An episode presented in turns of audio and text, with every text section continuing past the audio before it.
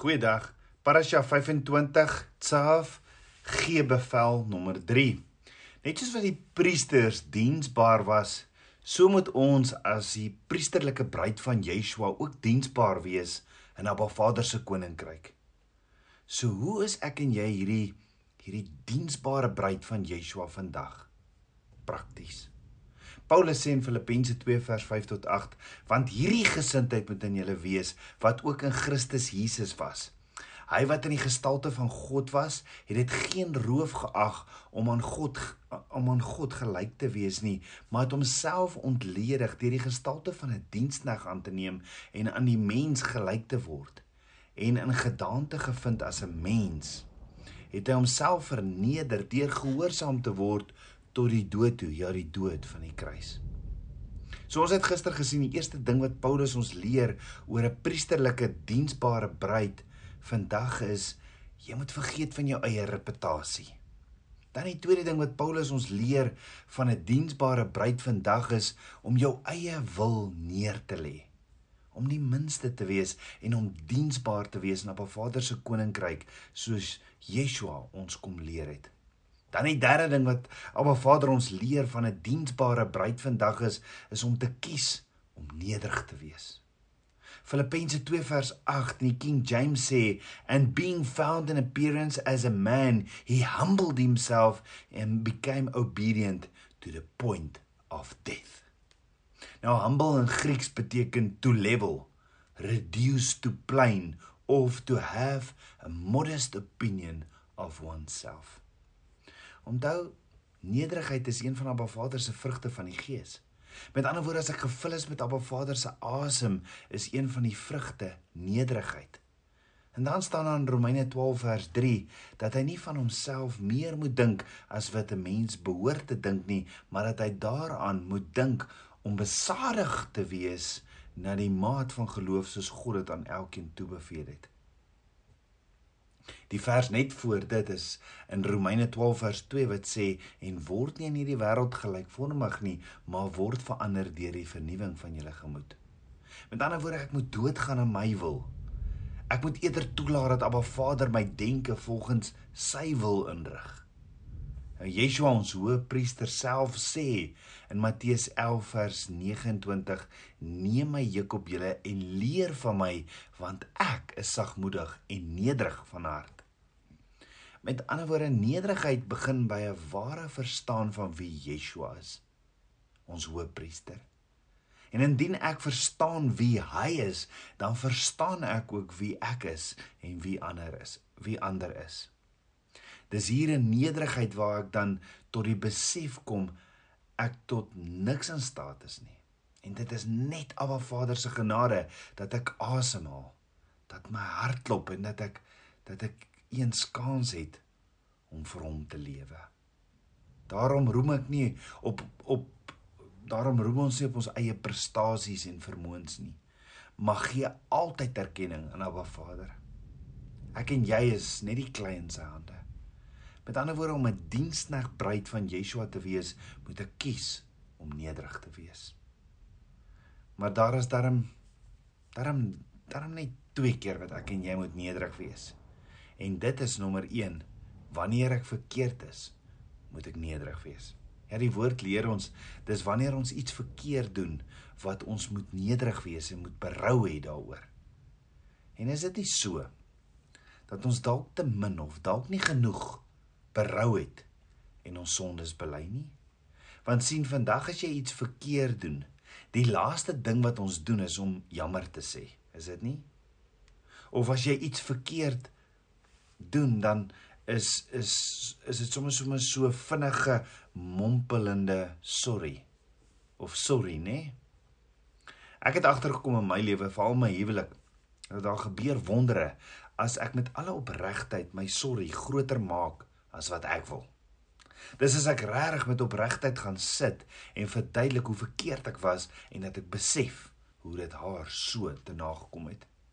Jy sien ek met alle eerlikheid en opregtheid uit my hart uit vra vir vergifnis en dit is sommer net te doen so in in die verbygang in die gang nie. Hoe vinniger as ek as ek hierdie opregte hierdie opregte, eerlike uit my hart vergifnis uitvra, hoe vinniger vind genesing in my huwelik plaas en word ek vergewe. Net so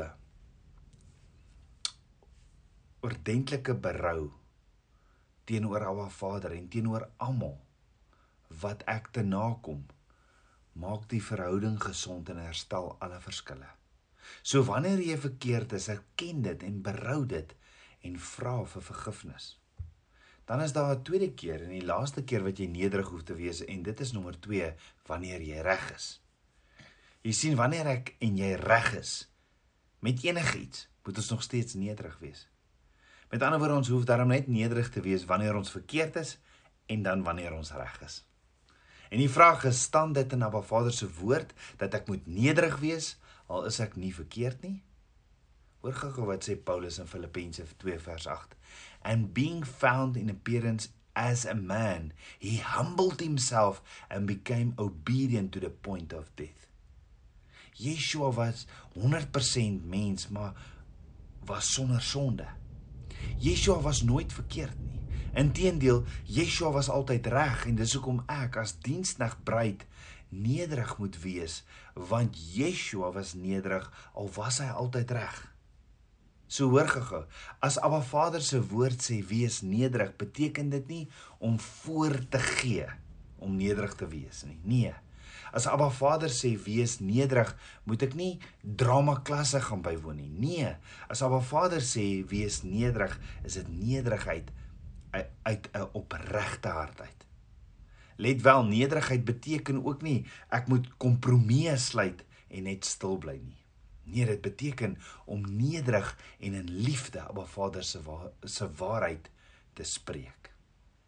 En met iemand te gaan spreek sy waarheid in in liefde. Jy sien nederigheid is om ander bo myself te stel. Want dan kan Abba Vader my gebruik tot sy diens en as 'n instrument in sy hande. En dis presies wat die priesters in die tabernakel gedoen het, is dit nie? Net so is dit wat ons hoëpriester gedoen het. Yeshua het sy reg neergelê, hy het sy koninkryk verlaat en hy het mens geword. Yeshua het sy reg neergelê en my en jou sondes op hom gevat. Dan die vierde ding wat Abba Vader ons leer oor hoe om 'n priesterlike diensbare bruid vandag te wees en dit is om gehoorsaam te wees aan Abba Vader tot die dood toe. Paulus sê in Filippense 2 vers 8 in die King James and being found in appearance as a man he humbled himself and became obedient to the point of death. Ons hoofpriester Yeshua was gehoorsaam tot die dood toe. Net so is gehoorsaamheid 'n besluit wat ek en jy ook neem as bruid van Yeshua. Yeshua sê dat daar mense is wat die woord hoor, maar dit nie in hulle lewens wil implementeer nie. Want sê Yeshua, dis dieselfde as om jou huis op die sand te bou en te verwag dat dit staande sal bly wanneer die storms kom. Maar dan sê Yeshua, Geseënd is die persoon wat die woord hoor en dit doen. Daardie persoon bou sy huis op die rots en wanneer die storms kom, sal dit nie enige skade ly nie. Jy sien die woord van Abba Vader moet 'n leefwyse word. En Abba Vader roep ons en hy moedig ons aan as bruid van Yeshua om lewe te kies. En daardie lewe is 'n lewe van gehoorsaamheid aan sy woord. Abba Vader sê in Deuteronomium 30 vers 16: Wat ek jou vandag beveel is om jou om om jou is is om die Here jou God lief te hê in sy weë te wandel en sy gebooie en sy insetting en sy verordeninge te hou sodat jy kan lewe en vermenigvuldig en die Here jou God jou mag seën in die land waarheen jy gaan om dit in besit te neem. Ons bewys Ek en jy bewys ons liefde aan Abba Vader deur hom gehoorsaam te wees. My en jou liefde vir Abba Vader kan nooit meer as ons gehoorsaamheid aan sy stem wees nie. As ons vir Abba Vader sê dat ons vir hom lief is, moet ons besef tot watter mate ons bereid is om hom te gehoorsaam. En Abba Vader meet my liefde vir hom aan my gehoorsaamheid. Gehoorsaamheid kos ons altyd 'n prys. En dis hoekom Abba Vader soveel waarde daaraan heg. Jy sien gehoorsaamheid aan Abba Vader se woord is binne almal se bereik, maar dit sit nie in almal se broek nie. Nie almal kon al die priesterlike werk doen en Abba Vader Shema in elke kleinste detail wat hy gegee het nie. Selfs Aaron se twee seuns het gedink dis oukei okay om Abba Vader nie te gehoorsaam nie en het strange fire aan die goue altaar toe gevat. Ja, Abba Vader se woord sê dat daar geen plaasvervanger vir gehoorsaamheid is nie. Want Abba Vader se welbehae is in gehoorsaamheid. So om Abba Vader te gehoorsaam is om hom blydskap en vreugde te verskaf. Yeshua was gehoorsaam aan elke liewe opdrag van Abba Vader tot die dood toe. Yeshua, ons hoëpriester, is ons voorbeeld. Ons volg in sy voetstappe en sy bruid as sy bruid motiveer hy ons deur die gees om ook Abba Vader te gehoorsaam. Abba Vader se woord is 'n lamp vir ons voete en 'n lig op ons pad. En wanneer ons as bruid in die lig wandel, het ons geen rede om dan te struikel nie. So hoor gaga. Gehoorsaamheid is die sleutel en Yeshua is die deur. Ons moet gehoorsaam wees aan Yeshua ons hoëpriester want hy is die woord. Johannes 1 vers 1 sê dat in die begin was die woord en die woord was by God en die woord is God. En dan sê Johannes 1 vers 14 en die woord het vlees geword en onder ons kom woon. Jy sien gehoorsaamheid aan 'n Vader is 'n hartsbesluit en is iets wat 'n priesterlike bruid doen. Abba Vader het nie 'n behaag in mense wat hom net met hulle lippe dien nie. Nee, Abba Vader stel belang in my en jou hart en daar's geen beter manier om Abba Vader te wys hoe lief ons hom het as deur gehoorsaam aan hom te wees nie. Yeshua het 'n nuwe dimensie gebring toe hy ons kom verduidelik het hoekom ons gehoorsaam sal wil wees. Yeshua sê in Johannes 14 vers 15: As julle my liefhet, sal julle my opdragte gehoorsaam. Jy sien ons sê so baie, Here gebruik my of Here, wat wil U hê moet ek doen? Wat wil U hê moet ek wat wat is die plan vir my lewe? Wat is die doel vir my lewe? Het jy dit ook al vir Appa Vader gevra? Abba Vader leer my. Toe ek hom weer eendag vra, Vader, wat is U wil vir my lewe? Toe sê Abba Vader vir my, "Roef dat jy hierdie diensbare bruid, hierdie priesterlike diensbare bruid sal wees." dat jy my so sal lief hê dat jy my sal vasleef en my elke woord sal shema heerlis nou by dis hoekom nie 'n dienstreg bruid van Yeshua word nie dis hoekom ons hoekom nie Hoekom nie 'n diensbruid, 'n priesterlike diensknegbruid van Yeshua word nie? Wanneer ons met ons hele hart glo, Abba Vader is ons almagtige Skepper en ons om opreg liefhet, lei dit daartoe dat ons gehoorsaamheid 'n innerlike begeer beginsel en begeerte binne in ons word. Dit is ook dan wanneer ons saam met Dawid wil sê in Psalm 119 vers 60: Vader, Ek tel hom nie. Ek haas my om u gebooie te onderhou. Kom ons bid saam. Aba Vader, skieper van my hart, Vader, ek loof en prys U.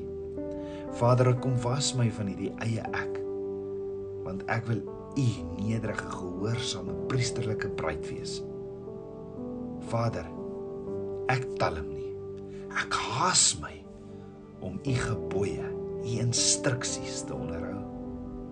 Kom was my met die waterbad van u woord. Kom leef in my.